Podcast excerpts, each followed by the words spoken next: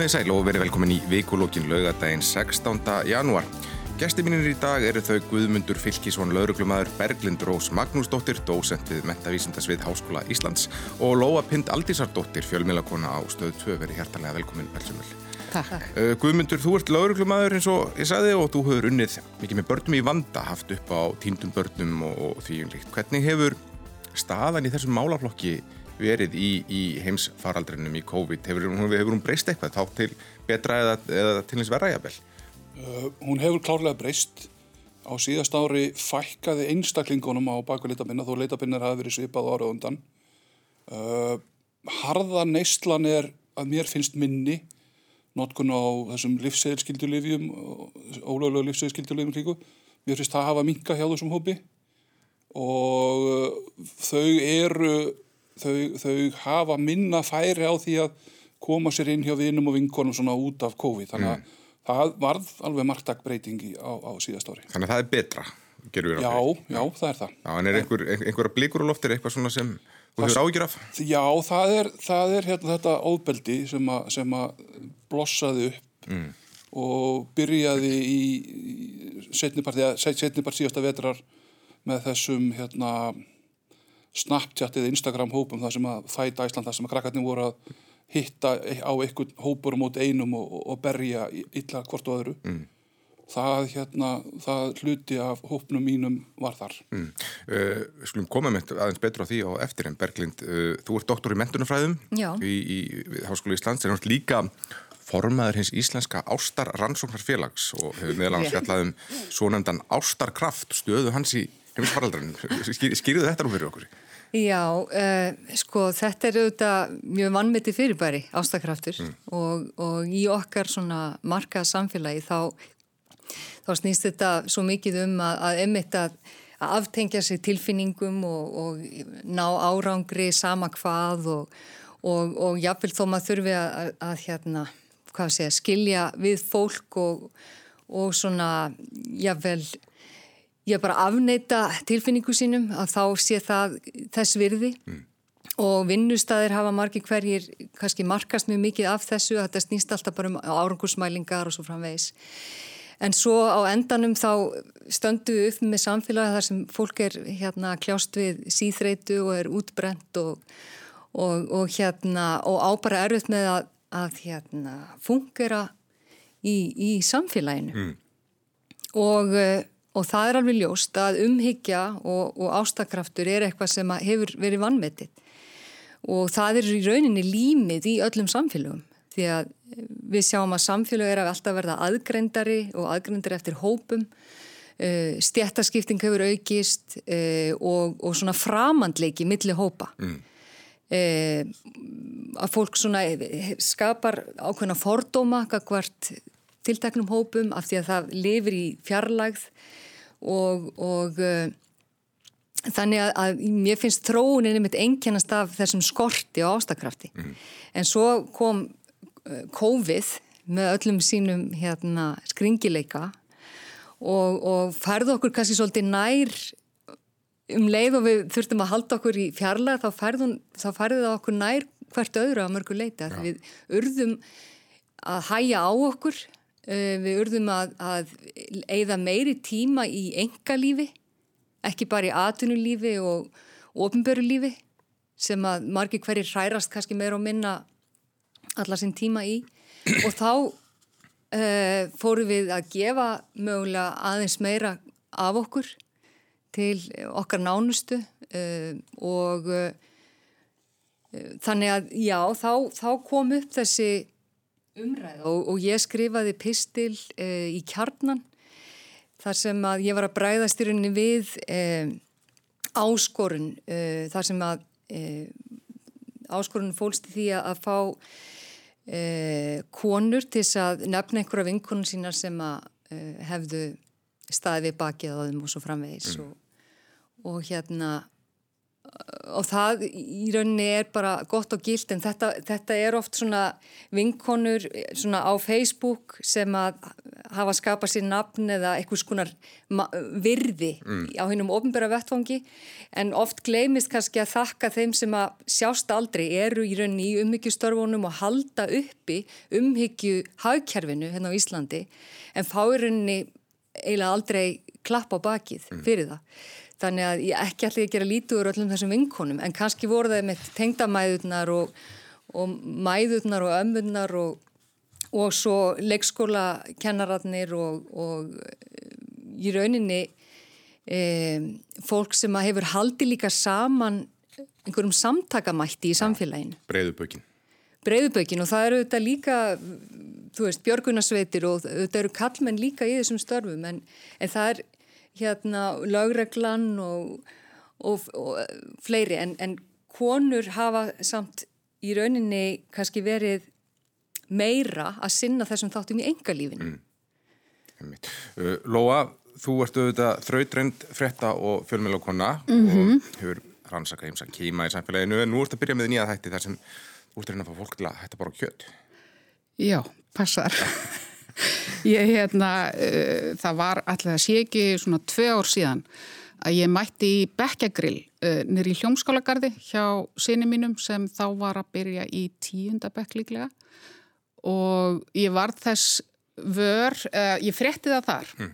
að sjö stúlkur í bekknum hans höfðu orði vegan yfir sömarið og að mér heyrðist uh, þá var megni af þeim vegna umhverfismála mm. áhugir á lofslagsmálunum Gretu Tungberg áhrifun reknaði með. En þá fjekk ég svolítið nýstandi kolviskupið þar sem ég var að týna til pulsurnar sem ég ætlaði að setja á grillir Já. og fannst eins og ég pyrti mögulega einhvern veginn að gera eitthvað, einhverja braga bóta á í mínu lífi og svo fór ég að hugsa hvort ég ætti ekki að taka þetta lengra uh, sérstaklega eftir að, að ég áttaði því að bara á síðasta áreila þá hans mér stemningin í þjóðfélaginu gagvart þessari umræðu gagvart því að gera einhverja lífstilsbreytingar í takt við óttan við hamfralínun mér fannst hún breytast alveg gríðalega rætt uh, ég hef til dæmis nefnt að þetta með taupókana að þú veist okkur tókst að banna plastbóka mm -hmm.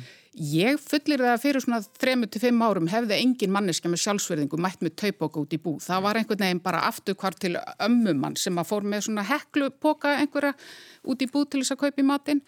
En eh, bara, þú veist, nú er allir litnir hotnöga sem mæta með plastpoka út í búð. Þannig að ég ákvæðsnæst að prófa aðtöða hvort ég geti tekið þetta skrefinu lengra og ekki bara breytt einhver hjá mér, heldur hérna, fengi með mér hópa af kjötætum því ég er sjálf ekki kjötæta, bara svo það sé sagt. Mm. Og mér fannst þetta mjög eh, óaðlaðandi tilugsun að sleppa beikonni og, og nautakjöti og svo framvegis. Þannig að ég ákvaða að þreyfa á fólki í, í kringum mig og aðtöða hvort ég fyndi einhverja kjötætur sem væri til í að taka þátt í þessari tilraun. Og það reyndist bara miklu erfiðara en ég bjóst við. Ég, ég, ég sko, tók frá kannski svona einn morgun til þess að ringja í 101 og 105 og 107 bósnúmurinn. Ég held að ég myndi bjarga einni fjölskyldu þar bara á nóinu. Ó nei! Það bara tókst ekki. Ég fekk enga umhverfis meðvitaða fjölskyldu úr þessum hérna, af eh, latte lefjandi lópa mm -hmm. treflónum. Það var enginn þar til í þetta. En á endan þá tókst mér að manna þættina uh, með dásamleiri fjölskyld á Ísafyrði þar sem fjölskyldufæðurinn selur pilsur og hambúrgara allan daginn, reykur sjóppinu í bænum uh, með hérna, ástriðu veiðumann úr Kópavói og hans fjölskyldu og uh, frábæri kona á skaganum sem að uh, vinnu við meðal annars í svona matarmálum tengdum beint frá bíli þannig að hún er líka mjög bæjast í þááttina mm -hmm. og svo síðast en ekki síst að ég, sko, ég tók frá cirka halvt ár að lífið minu að eldast við alla bændur undir 50 á Íslandi Já. ég vildi fá einhvert fulltrúa bændastéttarinnar inn í þetta og það tókst á endanum þegar ég fekk uh, ungkjón á litla ármóti á Suðurlandi til þess að með miklum semingi að taka þátt í þessu verkefni og það var bara stórbrotið að fá þeirra rött inn í þessu umræðu. Og við getum fylgst með þeim næstu mánudag. Já, þetta byrjaði semst síð, síðasta mánudag og tilraunin sjálf í þáttunum hún byrjar ah, núna á mánudag. En við skulum hella okkur bara yfir í hörðu málinu. Við langar að byrja á þessari óhugnarlegu líkamsáfras í Borgarhólskóla í vikunni þar sem þrýr strákar reyðust inn í skóla með kilvum og, og nýf og sex þurft að fara á súgrahús en þrýr voru handteknir þar á meða leit sem hefur dæmtur í gæsluvarhald og það náðust minnskið að þessu og þetta var ansi óhugnarlegt. Guðmyndur, Uh, þetta er ekki kannski, þetta er framhald af atbúrar á sem byrjar fyrir vettur eins og þú saðir á það. Ég svo sem þekki, já, ég, ég svo sem þekki þetta mál sjálft ekki. Nei. En hérna, og, og það má ekki gleyma því að á öllum málum eru í það minnst að þrjárliðar, það er mín hlið, þín hlið og, og svo mm. réttarliðin, sko. Mm -hmm. En það afsakar ekki óbeldi og manni var virkilega brúðið þegar maður heyriði þetta útkall fara í gang, sko.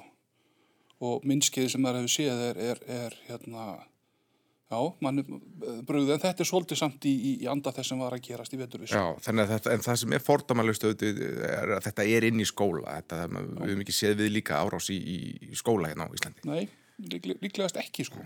En er þá, á maður að horfa á þetta sem eitthvað afmarka tilfelli eða eru stöndu við bara á einhverju vatnaskilum sem við þurfum að horfast, ég auðvitað að þetta, þetta kunni að, að svona, kunni að, að svona tilfellin kunna fjölga? ég ætla rétt að vona að þetta sé afmarka tilfelli og, mm. og, og ég ræði stoltið það ef, ef, það á að fara svona einhverja ameríska leið og skella öllu í lás í framhald að þessu en, en vissulega þurfum við alltaf að tryggja öryggi, öryggi barnan okkar og við sem lauruglum en við höfum til dæmis verið, verið svolítið ósótt við það að, að, að kerfið verist alltaf, alltaf býð eftir því að lauruglum hafa verið skotin aður en eitthvað, eitthvað stort gerist sko, þó að það verið gert en, en já, ég ætla, ég ætla sannlega að vona að þetta sé bara afmarkað og, og, og menn taki næsta skref svolítið varlega í, í hvernig það var bregðast við. Mm, Berglind, hvernig var þér við það? Já, sjá, sjá þetta myndband? Já, þetta var auðvitað mjög sláandi. Ég starfaði sem kennar í fimm ár og, og þekki eh, skólahald af eigin raun uh, og uh, já, þetta var mjög sláandi árás uh, en ég held að það sem hefur gerst líka með framhanskólanar, nú er hann í rauninni, hann er skóli fyrir alla, öll ungmenni. Hann er eh, við fræðsluskyldu, hún er skild að veita öllum ungmennum nám til átjónar aldurs, þannig að mhm. við erum í rauninni með, í rauninni allt samfélagið Já. inn í framhanskólanum og uh, þannig að félagslegu vettvangur allra úlinga er þar að leiðandi skólinn þannig að það þarf svo sem að geta að koma óvart að ef að það er ofbeld, ofbeldi til staðar í úlingasamfélaginu að það geti byrst í skólanum það er rauninni bara afleiðing af, mm. af þessu mm. Þú hefur rannsakað svolítið stjættskiptingu meðal annars í skólakverfum mm. og þín líku. Um, helst þetta úttalar um á þann að stjættskipting hefur aukist og mm. um, er þetta í einhverju samhengi við það, heldur þið? Uh, sko það er alveg klárlega tengsl á milli uh, ofbeldis og, og misréttis í samfélögum og, og, og svo vopna eignar eins og bandrist samfélag er mjög gott vitnum. Mm. Eh, þannig að, að þegar við erum með langvarandi ójöfnuð eh, hjá tilteknum hópum að, að þá grasserar neikvæðar tilfinningar, erfiða tilfinningar og svo er líka það sem hefur kannski bæst svo við á síðustu árum að það er, það er náttúrulega þessar upptökur mm -hmm. að eh, í rauninni enga lífið og kannski svona viðkvæm augnablík í lífi ungs fólks þau eru bara orðin ofinbyr. Mm. Þannig að skömmin og allar þessar neikvæðu tilfinningar og erfiðu tilfinningar, þær er í rauninni verðast miklu sterkari og viðbröðin þar að leiðandi verða sterkari líka. En í þessu tilfelli, sko, með við allavega þær fréttir sem ég las, þá var hann um að ræða uh, að drengur sem sagt fyrir að skipta sér af uh, enga svo köllum um engamálum hérna uh, þessa dreng sem að í rauninni beitur ofbeldinu að því leiti að hann ætla, sem streynir að koma í veg fyrir að hann ráðist á stelpi sem ég veit ekki hvort var kærastans eða ekki. Mm. Þannig að þannig erum við með í rauninni, ef að þetta er rétt, þá erum við bara með sko svona hefbundna mjög svo, hvað við segja, skadlegar kallmennsku hugmyndir þannig í gangi að þú átt bara rétt á því að geta bara í kæristuna þegar þér hendar og þá er engin að skipta sér að því e, og ef einhver gerir það þá er hann bara lamin líka mm og, og hérna og það, góðu fréttinir eru að það er verið að kenna e, kynjafræði öllum nefnundum í borgarhaldsskóla en gegnum kynjafræðina þá er verið að fara yfir e, í rauninni skadlega kallmennsku hugmyndir og kvenleika hugmyndir og og, og hvernig við getum sem samfélag kent fólki að, að vinna með erfiða tilfinningar sínar og, og hérna skapa þarleðandi meiri samhældni og meiri skilning á milla ólíkra hópa. Mm. Lóa, þú átt dreng á framhalskólandri og hvernig? Jú, passar, ég á mitt drengi á fyrsta ári í mentskóla og hérna ég hugsaði nú bara Guðs í lofa að þessi árás átti sér stað innan veggja skólans það sem voru mörg hundru nefnundur og starfsmenn og svo framvegist til þess að bregðast við mm -hmm. og, og þeir hafi ekki náða narran þarna út við spöngina sem að stóðist til. Ég auðvitað veit ekkert frekar en þið eða þú, uh, mögulega veit guðmyndu meira en hérna veit ekkert hvað raunverulega átti sér stað þarna. Það er að sjálfsögðu hræðilegt þegar ofbeldi á sér stað innan úlinga samfélagsins en eins og þú segir að þá er við í þeirri stöðu að uh, skólinn er fyrir alla mm -hmm. og þá fáum við náttúrulega speiklun og öllu samfélaginu inn í skólanum og þó þess ekki að því að við þekkjum ekki málvöxtu almeinlega það, það er ekki hægt að draga alveg beinar álektanir af þessu en engu að síður þá hefur mér nú lengi verið hugleikið þetta hvernig við erum ekki að bjóða nefnundum upp á nám við hæfi. Uh, það getur auðvitað svo brotist út í allskins frustrasjón mm. og aukið líkur á uh, það að menn fá útrás fyrir sína frustrasjónir í ofbeldi. Mm -hmm. uh, hérna, það hefur lítið breyst því miður eitthvað þó en það hefur lítið breyst í því frambóði sem við bjóðum uh, krökkunum okkar upp á. Við erum með hérna, meir og minna bóknámskóla og það eru bara ekkit allir sem að blómstra í bóknámi.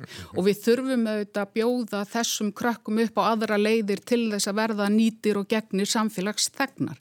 Og það finnst mér bara mjög slemt því miður er bóknámið ofbúslega ódýrt. Ég rekna með að það hef ekki breyst að MR er lang ódýrasti framhaldsskóli landsins per nefnanda að því að 96-8% náminu er bara hérna bóknám. Mm -hmm. uh, hérna, já, þannig að það var nú svona það sem ég hugsaði og svo var ég mjög þakklátt fyrir viðbrög móður fórnalamsins í þessu máli að hún skildi ekki í geðsræringunni hérna fara að hvetja til þess að við lokum öllum framhaldsskólum og setjum upp örgisverði og vopnaleit og svo framvegis að því auðvitað viljum við halda í þetta opna góða samfélag sem við -hmm. búum í -hmm. og hérna séum ekki ala á óta með því að setja svona hliðverði inn í, inn í skólan. Mm. Um, maður veldir aðeins fyrir sér viðbrúðunum, maður setur eitthvað gæsluvarhaldi, þetta eru ungir, þetta eru krakkar í salvu sér. Um, viðbrúðun hljóttur náttúrulega að, ættu náttúrulega með að því kannski að fá svona vinda ofana, það er einn að fá fólk af þessari reyflistigu en, en maður fara á tilfinninguna að kannski fangilsiskerfið sé ekki endilega og refsiskerfið sé ekki endilega rétt að leiðin til þess eða hvað. En þannig að gæsluvarhaldi er, hann var úrskurðar í viku ef ég mann rétt. Já. Þannig að það er náttúrulega, það beinist bara að, að því að, að rannsaka málið og ég veit ekki e, hvort að það sé verða að hleypa að einhverjum sálfræðingum með ráðgjöfum á þessum tíma sko. Mm -hmm. Það er alltaf að styðja við, við strák sem að, svona ungan einstakling sem er þarna. En ég ætla að grípa annað hérna varandi sem að, sem að vakti aðdegli mín og ég var ánað með það var það að, að sjá að starfskólans greip strax inni. Mm. Þannig að ég er búin að vera hérna á höfbrukarsæðinu síðan 1998 og það kemur mér alltaf á óvart hvað hvað fólk forðast að blanda sér inn í hluti og bara einfaldi hlutir eins og meðutundulegs einstaklingum sem likur kjúri eitthvað staðar mm -hmm. að fólk er ekki tilbúið að aðtóa með hann. Já. en þarna greipu starfsfólkskólans greinilega bara strax inn í þrátt fyrir að þetta væri ofsafingir Já, og bara með, með, með vopn og, og barefli og, það, verðlindi Já, ég, ég tek heilsugur undir þetta og þetta er gott dæmum að við erum með ástakraftin í rauninni virkjaðan inn í okkar uh, skólasamfélögum og og, eh, og það er náttúrulega frábært. Og að þýlitinu til hefur við komið mjög vel út uh, í allri umræðu um sko líðanemenda og, og hérna ánægu uh, og, og svona það, það er vel haldið utanum nefnendur og margir nefnendur sem fara til náms til dæmis í Breitlandi tala um þennan mun mm -hmm. að það er svona, það er meiri umhyggja ja, í íslensku skólasamfélagi heldur um viða annar staðar og, og því ber að hampa og við gleymum svo ofta að hampa akkurat þessu af því að það er ekki verið að mæla árangur Já. á þessu mm -hmm. og uh, mér langar aðeins þess að bregðast þessu með, með frambóð til námsko í rauninni kristallast sko stjættismin í samfélaginu hann kristallast ymmit í því að nefnendur þeir bara þeir velja í rauninni ekki verknám og, og annað en, en, en bóknám af því að þau fá svo sterk skilaböðum að það, það sé bara minna virði mm -hmm. og þannig að eftir því sem að stjættismin í samfélaginu hefur aukist þeim mun erfiðar hefur verið að fá nefndu til að velja mm. eitthvað annað en bókna. Mm. Það verðist nú eitthvað aðeins fyrir að vera breytast, það verðist að vera langi byggilistar sem er í verknám og þannig að það er... Já, það er aðeins... Og þá er einmitt kerfið ekki nú snögt að bregðast við þeirri eftirspurning og þarf að henda út fólki sem að langa til þess að fara í verknámi, sem er bara agal. Vítu hvað, erstu með dæmi? Ég, til dæmis í tekniskólan, minnum við í haust og síðasta haust, að þá var meiri eftirspurn eftir ákveðnum miðingreinum en okay. þeir gáttu mætt. Ég og einmitt stelpuð sem er 21 ás og, og hérna búin að vera í bóknámslutanum mm. og sóttu minn í tekniskólan langa að fara í yngreinar og, og, og bara því miður, það er ekki þig. Ja. Nei, það er mjög mikilvægt að endur skoða hérna í rauninni þetta allt saman en það, það hefur rauninni marg sinnis verið að reyna að koma á ýmsu frambóði sem að nefndur hafa svo ekki sótt, -hmm. sótt Nei, til. Það, það er alveg laugri. Þannig að sá... þetta hefur líka verið það vandamál. Já, sko. einmitt. Og ég, mann, ég sá einhver tíman sko úrvalið af brautunum sem Já. eru innan kervisins og súluritið yfir Já. hversu margir væri á brautunum og það var sko null nánast í öllu nema þá voru þarna einhverja þrjábröytur sem stóðu upp úr sem var vantilega félagsfræðibraut, málabraut og, og náttúrfræðibraut. Þú veist, þar var bara 90 brósta liðinu. Mm. Mín sóttum í smíði, sko, húsasmíði eða, eða, eða húsgagnarsmíði. Já. Þannig að... Það er mikið sóttunum í dag. Já, það er það. Við langar að fara hans yfir í aðra salma. Það hefur gengið vel að halda COVID í skefjum hér innanlands og verið hægt að slaka á sóttvarnar aðgjörum rækti. Man til dæmis opnuði í, í vikunni, fóruð þið og rifið í lóðin leið og færi gafst? Ég skráði mér í tíma, ég var á bylist, það komst ekki inn. nei, nei, bara fara út að hlaupa og, og, og skýði reyndar. Já, einmitt, en veitna, það greinast ennþá vísnamörg smitt við landamærin og sótarnalæknir hefur oftar en einu sinni óska eftir því að komufarþegar eru þau skildaðir í tvöfaldaskimum því það voru, það voru bróð á því að fólk væri að, að, að fara eftir þessari sótkvísina átti að, að vera í. Um, stjórnvöld urðu ekki við þessu það var bara leikva af á því að þetta stæðist lög að skilda alltaf í, í skimun en í gær þá gaf heilbriðis á þeirra út reglugjörð sem gerir töfaldarskimun við landamærin að skildu. Um, Guðmundur, fannst þér þetta hefði hef, hef þetta þurft að gerast fyrir eða? Já, klárlega og ég var ánað með það þegar Sigurger kom fram þarna í fyrra daglíklastu upplýskundi ég, ég var að hugsa þetta aðeins eftir ég sá þennan, þennan umræðapunkt munið þetta í falun gong lókuninni mm -hmm.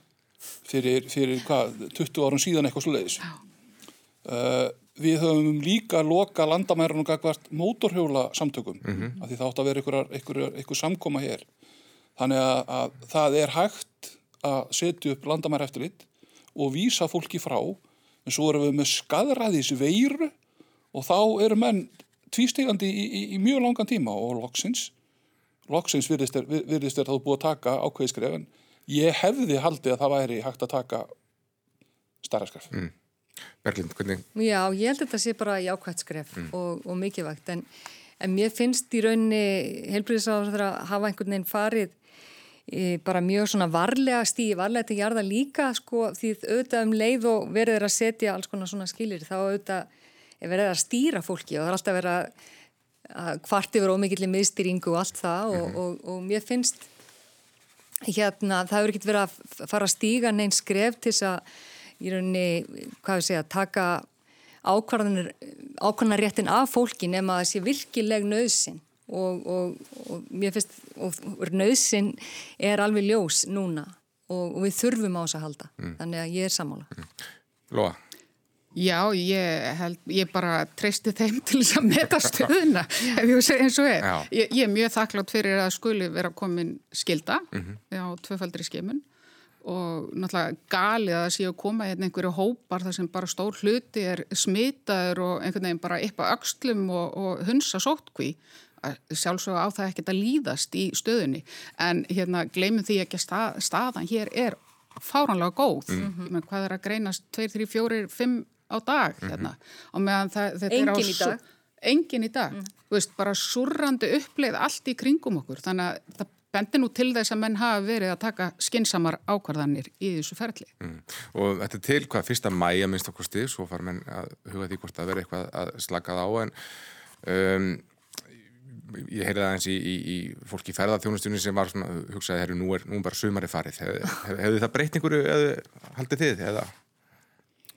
Þeir náttúrulega, þeir eru búin að vera að kalla eftir fyrir sjáanleikum mm -hmm. ferðarþjónustar og, og maður skilur það en, en, en við höfum bara séð það þessi blessaða veira færa okkur til að skipta um skoðun bara á einum degi sko. mm -hmm. Ég held að þessi nýju afbreyði sko hrell okkur alveg svakalega Já. og ég, ég held að allir skilji alvarleikan í því Ég held þetta, snú, þú veist, þetta snýst ekkit um hvað stjórnveld ákveða í þessu fólk þann mm. úti ferðamenninir mm -hmm. þeir eru ekkit að fara að koma þegar ástandið er svona mm. við verðum bara að býða og sjá, það er ekkit annað í stöðinu og þetta er auðvitað agalegt fyrir ferðarþjónustöðinu. Ég tek undir aftur um það sem að Þórólfur hefur sagt ég, ég hérna, íslenska þjóðin vakti hjá mér nýja trú eftir jól og áramót ég held að tölunar myndu breytast mikið. Já, Já það held ég líka. Já og en, hérna við myndum springa á limanu í jólabóðunum og, og, og því öllu að fara já, já. Þannig, þannig að sko fyrst að við getum þá eigum við að passa landamærin okkar sko. Já, mjög aðast fólk fara mjög varlega þannig kringum jólinu og er ennþá að gera það var alveg talið inn í jólabóðin hjá, í minni fjölskyldu og, og hérna eldstu börnin þurfti að fara til hérna mm. annara pappa og mamma og eitthvað og þannig slapp til til dæmis, við vorum alveg að skera niður Já. í samræmi við þessa uh, þetta bóðorð yfirvalda. Já, nú koma þess að blöndu fjölskyldu sér vel að dreifa. Já, nákvæmlega, dreifa á það. Ég, ég er mitt sko vissi af svona unglinga eða, eða ung, ungu fólki sem að vara skemmta sér saman á gamlastag, mm. búin að, búin að sérst, finna stað til þess og þau pössuðu alfarið upp á það, það og það, það var svona ákveðin vandi innan hópsins að, að, að það kæmi bara tíu, því að það var, það var að þælast fyrir þeim svona parasamsetningar sko. En, en, en það komið svo óvart, það voru krakka sem voru að fara að skemmta sér, neyta áfengi svona slít, en þau pössuðu upp á þetta. Já, Já hérna. Um, Ef þið voruð að komað viðtækjanum þá er það að hlusta á vikulógin. Gæsti mínir eru Guðmundur Fylkisson, Berglind Rós Magnúsdóttir og Lóa Pind Aldísardóttir. Um, Það er allra að býða eftir bóluefni, það er byrjað að bólusittja á og þetta segja að fólk sé orðið óþreyjufullt og sáum það bara Danir og Svíjar og fleiri fleiri löndur hundfúli vikunni þegar komið ljósa Pfizer ætlar ekki að, að senda jafn mikið bólöfni frá sér til stóð. Og hér á Íslandi þar eru umræðum það en, en verið að býta svari hvort að við gætum bara hvort að Pfizer sér til í að bólusitja þjóðin alla á einu bretti og nota það í, í rannsóknarskinni og þetta hefur vakið upp svona siðferðilega álutamál er, er réttlætanlegt að þjóðu það sem bara málin eru í ágætti standi trátt fyrir allt? Er réttlætanlegt að við fáum svona forgang? Berglind. Já. Já, það er góð spurning. Eh, en eh, það er náttúrulega alltaf einhverju sem að þurfa eh, að verða tilrunadýr og við erum náttúrulega með mjög góða innviði til að takast á við slíka rannsóknarvinnu og, og mjög öflugt fólk í því. Þannig að sko út frá svona rannsóknar umhverfinu myndi ég segja já. Mm.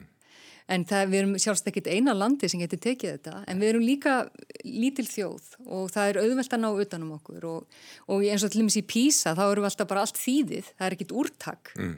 það er bara allir skólar.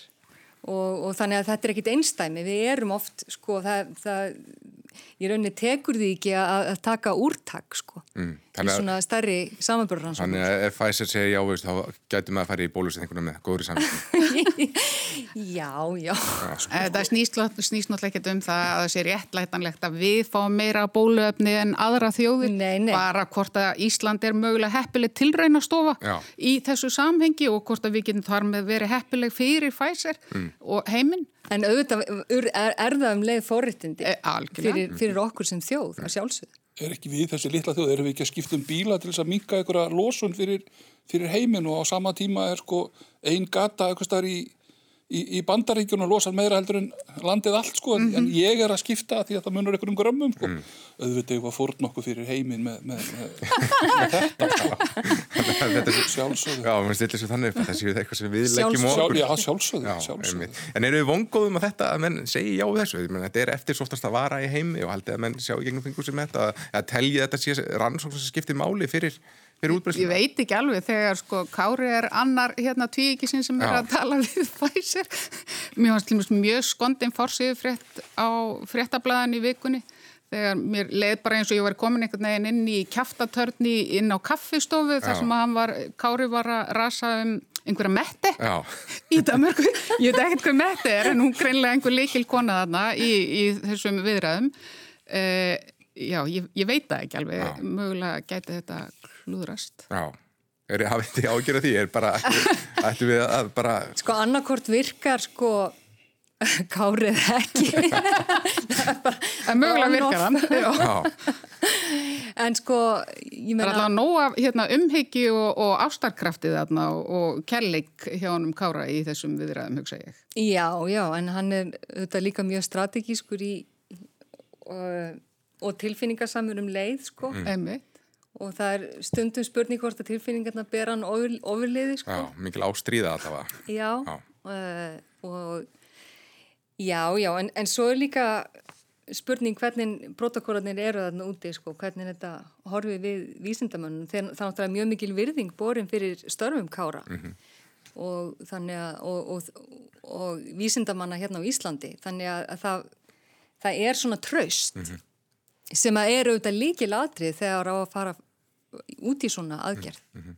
Þið náttúrulega í lauruglunum byggði vantalega eftir bólusningu, þið eru í framlínunni Ég, og... ég fikk stunguna mína á miðugudaginn Ná, til hamingi Takk, þannig að að hérna, vegna þess að ég vinn vin úti og út um allt þá, þá lendi ég í, í hópi eitt. Já já við, við býðum og það hefur einmitt að gera eins og með, ég veit að með landsbyðina að, að því vorum að tala um landamæri náðan að, að landsbyðin hefur svolítið verið að, að súpa segðið af þessum einstaklingum sem ekki hafa verið að virða mm -hmm. Sótkvína ekki það að menn hafa kannski ekki ekki hérna, við hefum ekki verið að smitast í vinnun en, en menn eru ítrekkað að lenda í svona úrvíslu sótkvíum að því að það dúka upp einstaklingar sem eiga að vera í sótkví en jú, stjettin mín býður en það eru líka, við erum sem betur fer endur spekluð þjóðuna, það er líka fólki okkur sem að vil ekki spröytuna sko. Já, um mitt Yfir í fjölmiðluna, það verða tímamót hjá stöð 2 á næsta mánunda þegar hætt verður að senda frettatíman út í ofinnindagskrá heldur að vera aðeins í bóði fyrir áskrifundur það er að segja sjónvarpi að vera áfram sendur út á, á bylgjunni Lóa, þetta er mikil breyting um, margir í stjettina hafa nokkrar áhyggjur af þessu Hvernig, hvernig horfur þetta við þér? Ég, sko, mér þóttu þetta nú svolítið sorglegt tíðindi.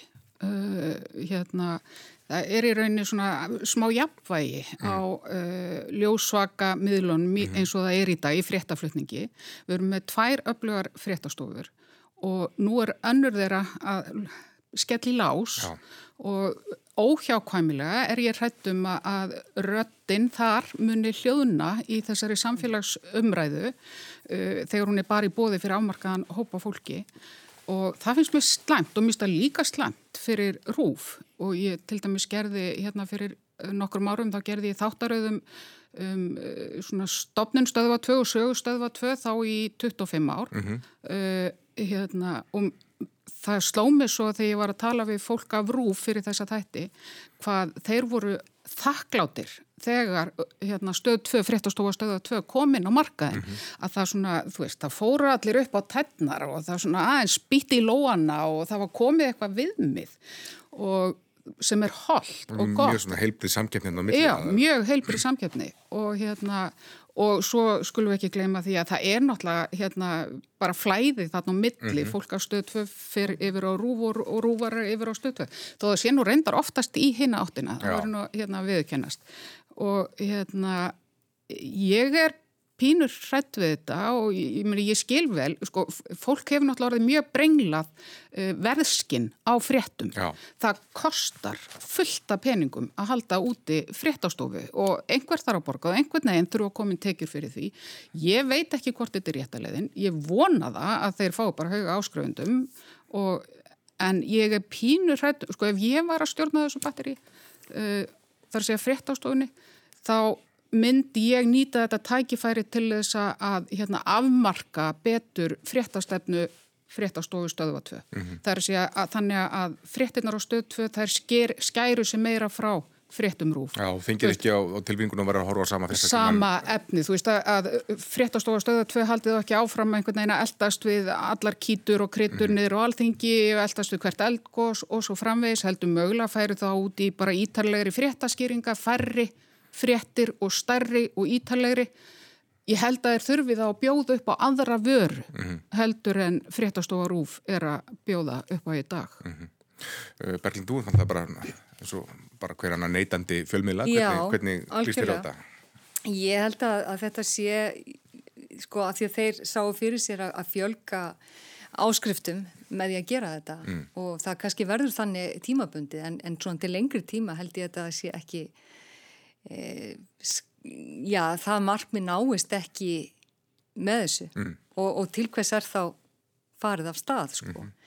Því að svo náttúrulega er það þannig að fjölmjöla vettvangurinn er náttúrulega mjög lifandi og, og þegar að eitt lokar þá bara opnar annar og kannski mun þetta vera til þess að eitthvað annað eflist og stækkar og, uh, og það eru þetta fullt af svona minni fjölmjölum sem að hafa kannski ekki fengið mikið vægi í samabyrju við, við, við stötu og, og rúf en munu kannski ná að vaksa eitthvað meira núna. Mm. þannig að, að ég þú, þú sko ef ég væri að vinna fyrir stöð 2 þá, þá myndi ég aldrei uh, gera þetta. Nei, Guðmundur, hvernig líst þér á það? Ég er nú frett að fíkil og, og, og, og það er náttúrulega þannig sérstaklega eftir að allt þetta flæði gegnum interneti þá, þá er maður svo sem alltaf að skoða það.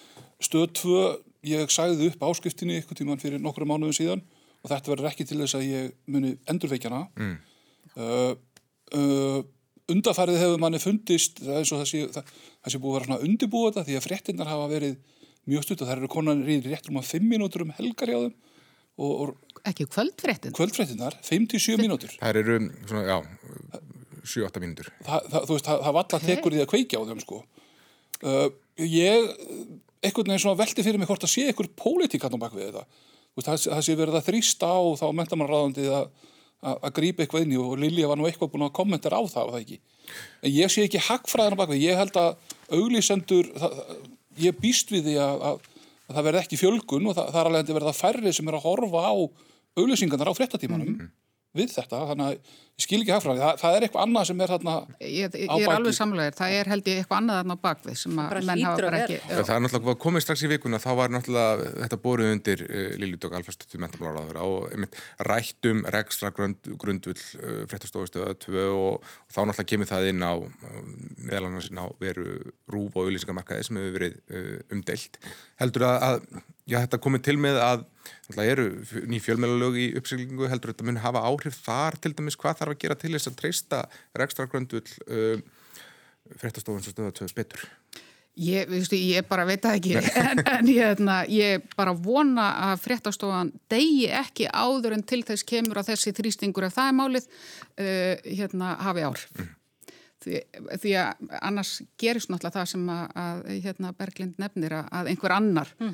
vex og blómstra inn í þetta gat sem að stöð 2 er að skilja eftir sig og það er eftirsjá í því ef það verður raunin því að þannig erum við að tala um sko fréttastofan hefur í starfandi í 34 ár þarna er mikil þekking innabors mm -hmm. og reynsla og hérna og gaman að því að nú er þetta mjög kvikur markaður og mikið, uh, mikil starfsmannavelta á fréttastofunni en í dag er til með að stýra henni maður sem hefur verið þarna með annan fótinn í ára tugi þannig að uh, já, mér bara þætti mjög leitt mm. að sjá eftir þessari fréttastofu.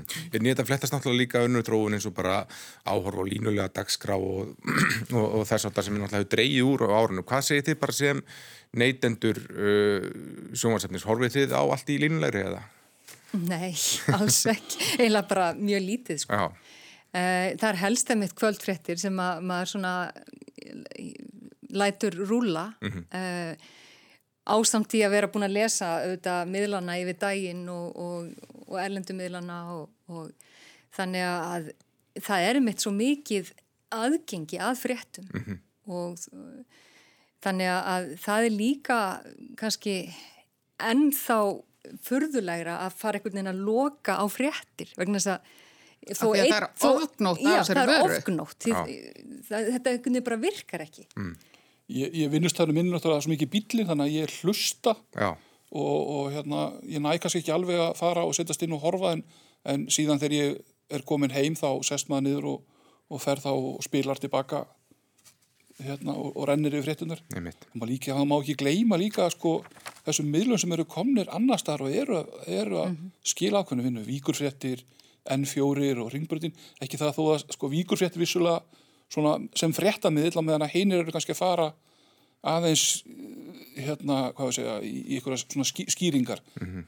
en hérna en, en, en ég, sko... ég kem til með að sakna vissulega stöða 2 fréttana, ég, ég viðkenni það Já, og við skulum ekki gleyma sko, en við skulum ekki gleyma því að sko, þó einhverju litli miðlar getur stokkið inn í þetta gat, mm. þá þarf bara verulegt fjármagn til að halda úti almenlegri fréttastofu, annars, eh, þú veist, ef það er einhverju litli miðlar stökkun í mm. gatið sem að hafa líti, litla peninga til umráða, þá er, verður það aldrei fullburða fréttastofa. Mm -hmm. Við þurfum fullburða fréttastofu á móti rúf. Mm -hmm. það, það er ekkert einhver tveggjamanna teimi einhverstaðar út í bæi að fara að keppa við rúf á þessum ja. markaði. Ja. Og þó að menn hafi stundum hérna gert grínað Uh, menn til dæmis nýttu tækifærið núna og fórum margir að hrauna yfir fréttaflutningsstöðu 2 á samfélagsmiðlum uh, mér til dæmis mjög minnistætt uh, einhver tíman þegar fréttamæður stöðu 2 gerði smá mistök í beinni útsendingu hvort það var við talningu í einhverju prófkjöru eða eitthvað og hérna samfélagsmiðlarni byrjuði strax þetta hefði nú aldrei gerst á rúf mm -hmm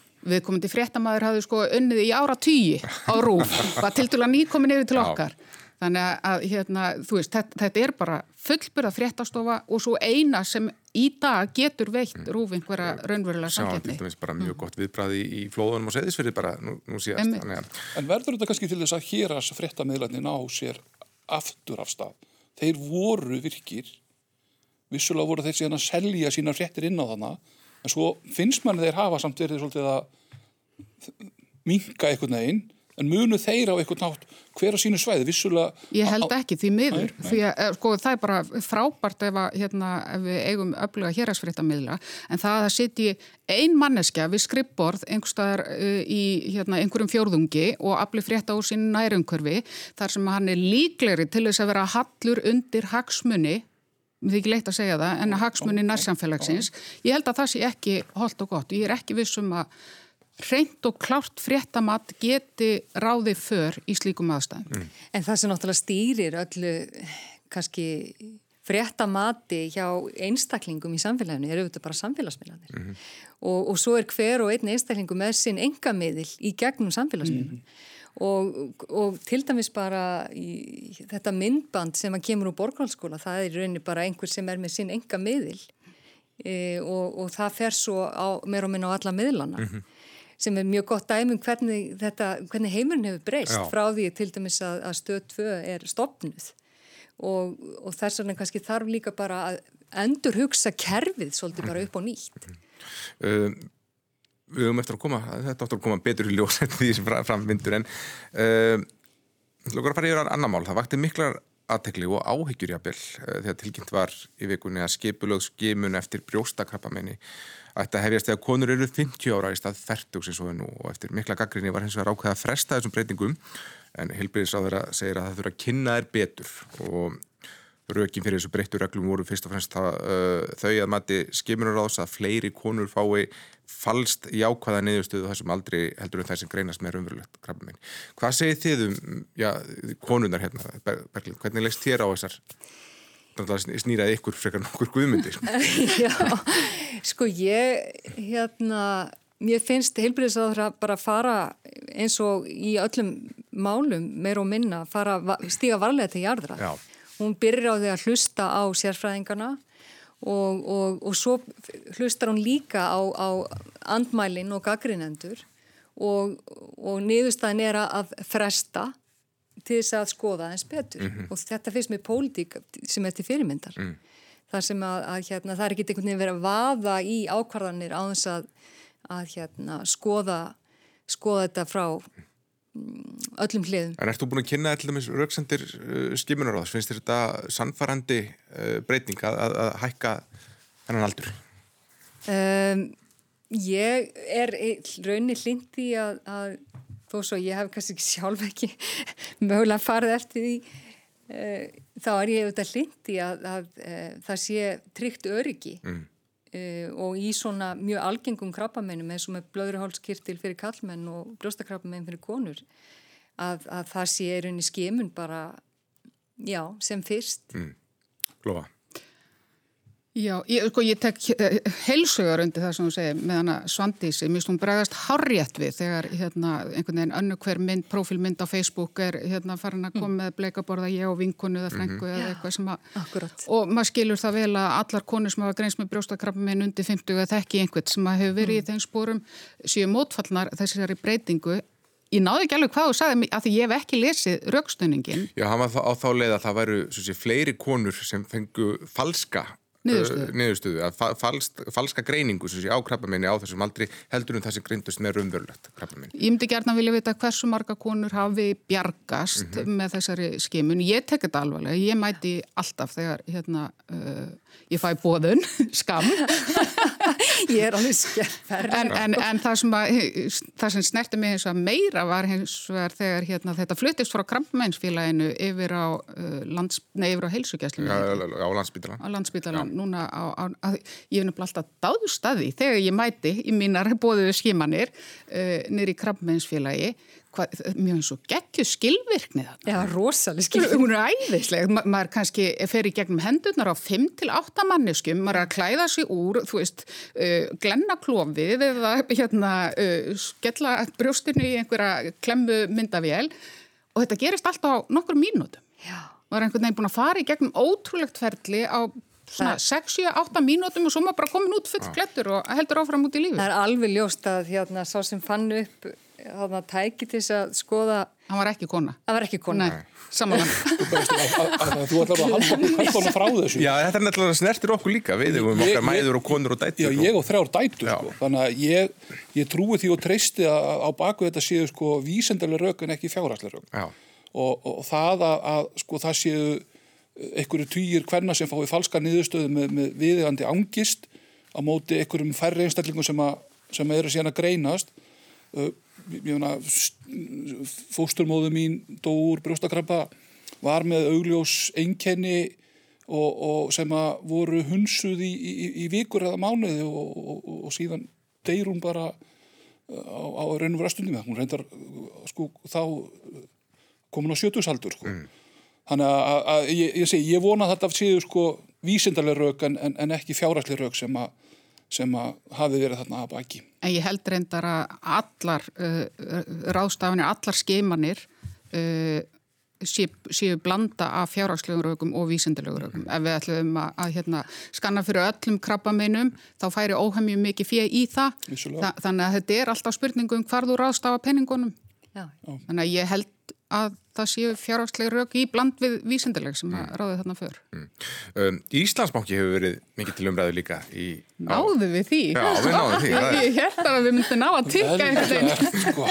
Og já, svona bara við erum auðvitað sem sýtum við bara leikminn í þessum, þessum efnum en, en þetta er umdeilt. Það er bæði rætt um hvort það sé heppileg tímasetning að selja banka núna og svo er greinilegt að spórin hræða, maður er ekki greinlega minni um hvernig einhver veginn tókst uh, upp úr aldamótum og svo mótið er spurt, okkur á ríkið að eiga banka í samkynningsregstri hvað þá tvo. Hvað segir þú Lóa? Hvernig líst þér á þessi áform? Hjálp! Hérna, uh, sko, við spórin hræða. Uh, maður er minnuð þess hvernig hérna, engaðilega náðu að koll keira bankakerfið Já. á örfáum árum, mm -hmm. hér á fyrir bara rúmum tíu árum. Um, Sko, ég hef náttúrulega engar fórsendur til að meta það. Mm. Mér finnst það ljómandi gott ef það er að koma einhverju miljardar í arð. Ég rekna með að Íslandsbanki sé að skila ríkinu arði. Já. Já það er gott. Uh, ég hérna, ber virðingu fyrir orðum Guðrúna Johnson sem hefur lagt orði belg í þessu mhm. máli uh, sem að telur að, að það sé ekki líklegt að fá raunverði fyrir þennan hlut núna. Já eins og staðan er núna þegar um 20% af lánasafninu er í fristingu og óvisa um verðmæti þess hluta lánasafsins. Uh, ég treysti henni frekar en ímsum öðrum sem að hafa lagt orði í belg núna mm. en maður er bara pínu hrættur við þessi skref eftir það sem á undan er gengið. Mm. Góðmundur, hvernig líst þér á þetta? Sko, uh, ég... Hef stundu sagt hvað, því ég er ekki eins og með stúdinspróf þá hef ég ekki vita á þessu. En ég er hérna eigi að fara slik, ég er hérna við Sigurður Andersen erum ekki oft sammála. Nei. ég er pílunitið sammála henni með það, þá leið sem hún er að tala um eigi að fara þarna, það er ég bara að aðfenda þjóðinni hlut og hlutabrif ég var sko, sem krakki það átt ég hlutabrif í einskipum mm. og ég sakna þeir í dag, það, það tók ákveðin tíð, það tók 30 ára að eðilegja þær en úr fyrir manni sko að ég myndi alveg vilja það að sjá að þú veist maður ætti og, og börnin manns ættu eitthvað eitt hlutabrif í, í Íslandbanka og, og, og, og það er farin súleið sko. mm. Kemur þá ekki bara einhver kaupa hérðin og? Svo, svo veit maður það að eftir, var, eftir ákveðin á verð ekki, Var ekki reynd að fara þá leið hérna með búnaðabankana á sínum tíma dreif egnar að vild En var það, var það innan ákveðins hóps eða, eða heildarinnar? Svo, svo má veltaði fyrir sér eiga það að vera, sko, vera viðskiptum í Íslandsbanka eða á að vera öll þjóðin mm. Ég ætla hana það, þetta var það svona fyrsta sem greið mér ég, ég, ég, tím Sigriður Andersen þarna. Ja, og svo, svo náttúrulega Davíð Þóru Jónsson skrifaði lítinn pistil um þetta þar sem Já. hann hérna, afruglaði afkóðaði orðræðina í kringum þetta. Þú veist að ég koma þessum hlut á markað uh, og ríkið að selja hver er þessi markaður Við mm. fjögur erum líklega ekki þessi markaður. Mm -hmm. Þessi markaður eru væntalega þeir smega peningana sem eru þá þessir fáu auðmenn. Lífur í sjóðunar okkar. Ja, og reynda lífur í sjóðunir, já. já. Sko við náttúrulega erum í ótrúlega einstakri aðstöðu til þess að í rauninni að breyta kerfinu. Uh, taland um samfélagsbanka. Uh, við getum það ef, ef að þjóðin á bankan. Mm. Uh, við eigum landsbankan, þjóðin á landsbankan og það er rauninni mjög eðlilegt að hann að hún eigi hann því að hann í rauninni þjónar kannski mest landinu öllu mm -hmm. uh, Íslandsbanki það verið að tala um 30-35% uh, sölu og eignarhlut þannig að, að ríki mun áfram eiga stærsta hlutan í bankanum og það finnst mér í rauninni mjög jákvægt vegna þess ja. að svo kemur ný ríkistjórn sem ég auðvitað vona að muni bara leggjast í það verkefni að byggja hérna upp nýtt fjármálakerfi mm sem að það sem fólkið í landinu upplifir sér sem einhver, einhver, einhver hlut af eins og þú ert að nefna mm.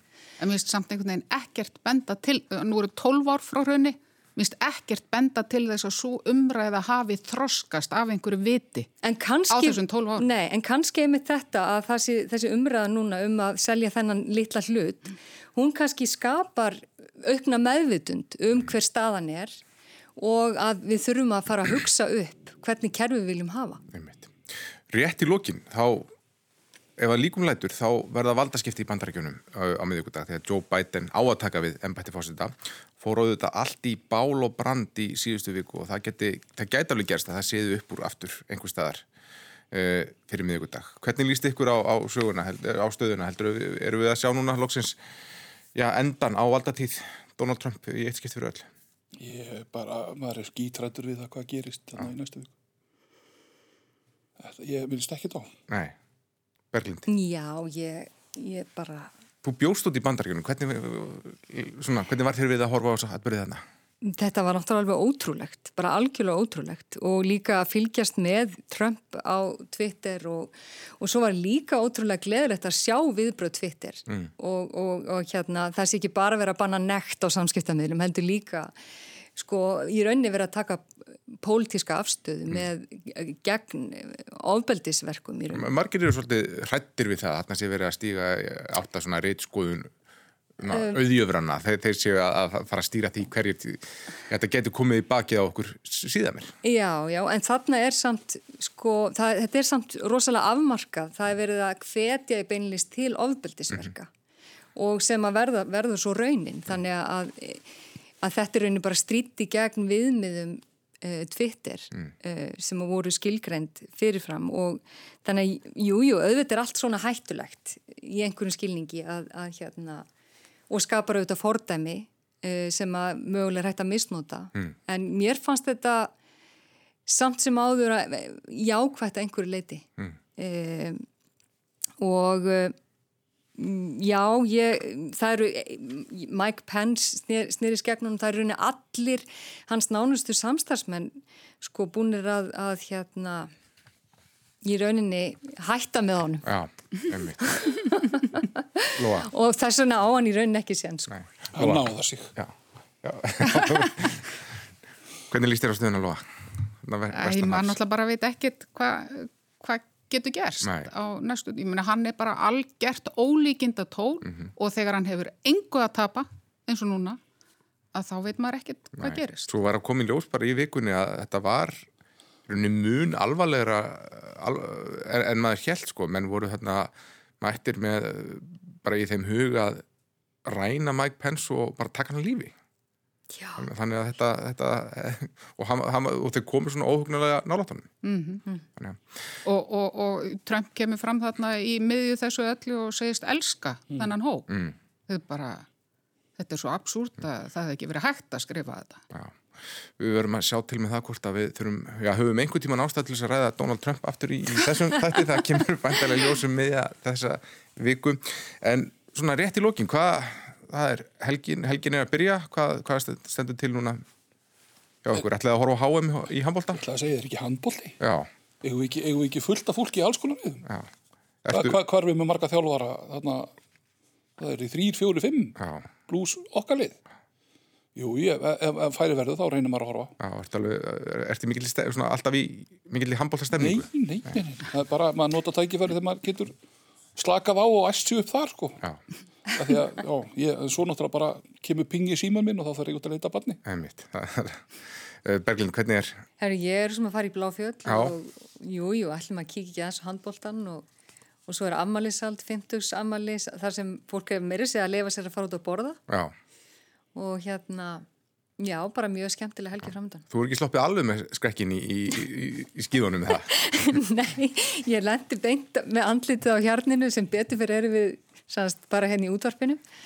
En já, það, það fór ídla ég, ég sko, ég er úr fljótonum og, og, og ólst upp á gunguskýðum en, en náði einhvern veginn að detta svona ídla samt sem aður uh, Lóa, hvernig er helginu þér? Ég veit ég var að draga þig úr klippiðinu Já, ég, ég sitt náttúrulega bara við tölvina alla daga núna og fram á kvöld að klippa, kjötætur óskast.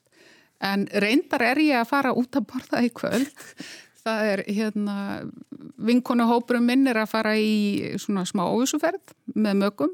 Þetta er jólabóðið sem að frestaðist fram yfir hérna eftir að losnaðum samkomu mörgin að þá ákveða að láta verða af þessu. Hlustaður ekki á röggvald eða?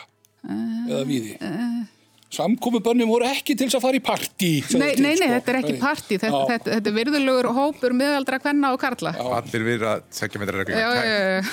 Gerum það að loka orðin. Kæra þakki fyrir komuna Guðmundur Fylkisson, Berglind Rós, Magnús Dóttir og Lóa Pind. Aldrei sérstáttir. Góða helgi. Hafa það gott. Takk fyrir. Sumleis.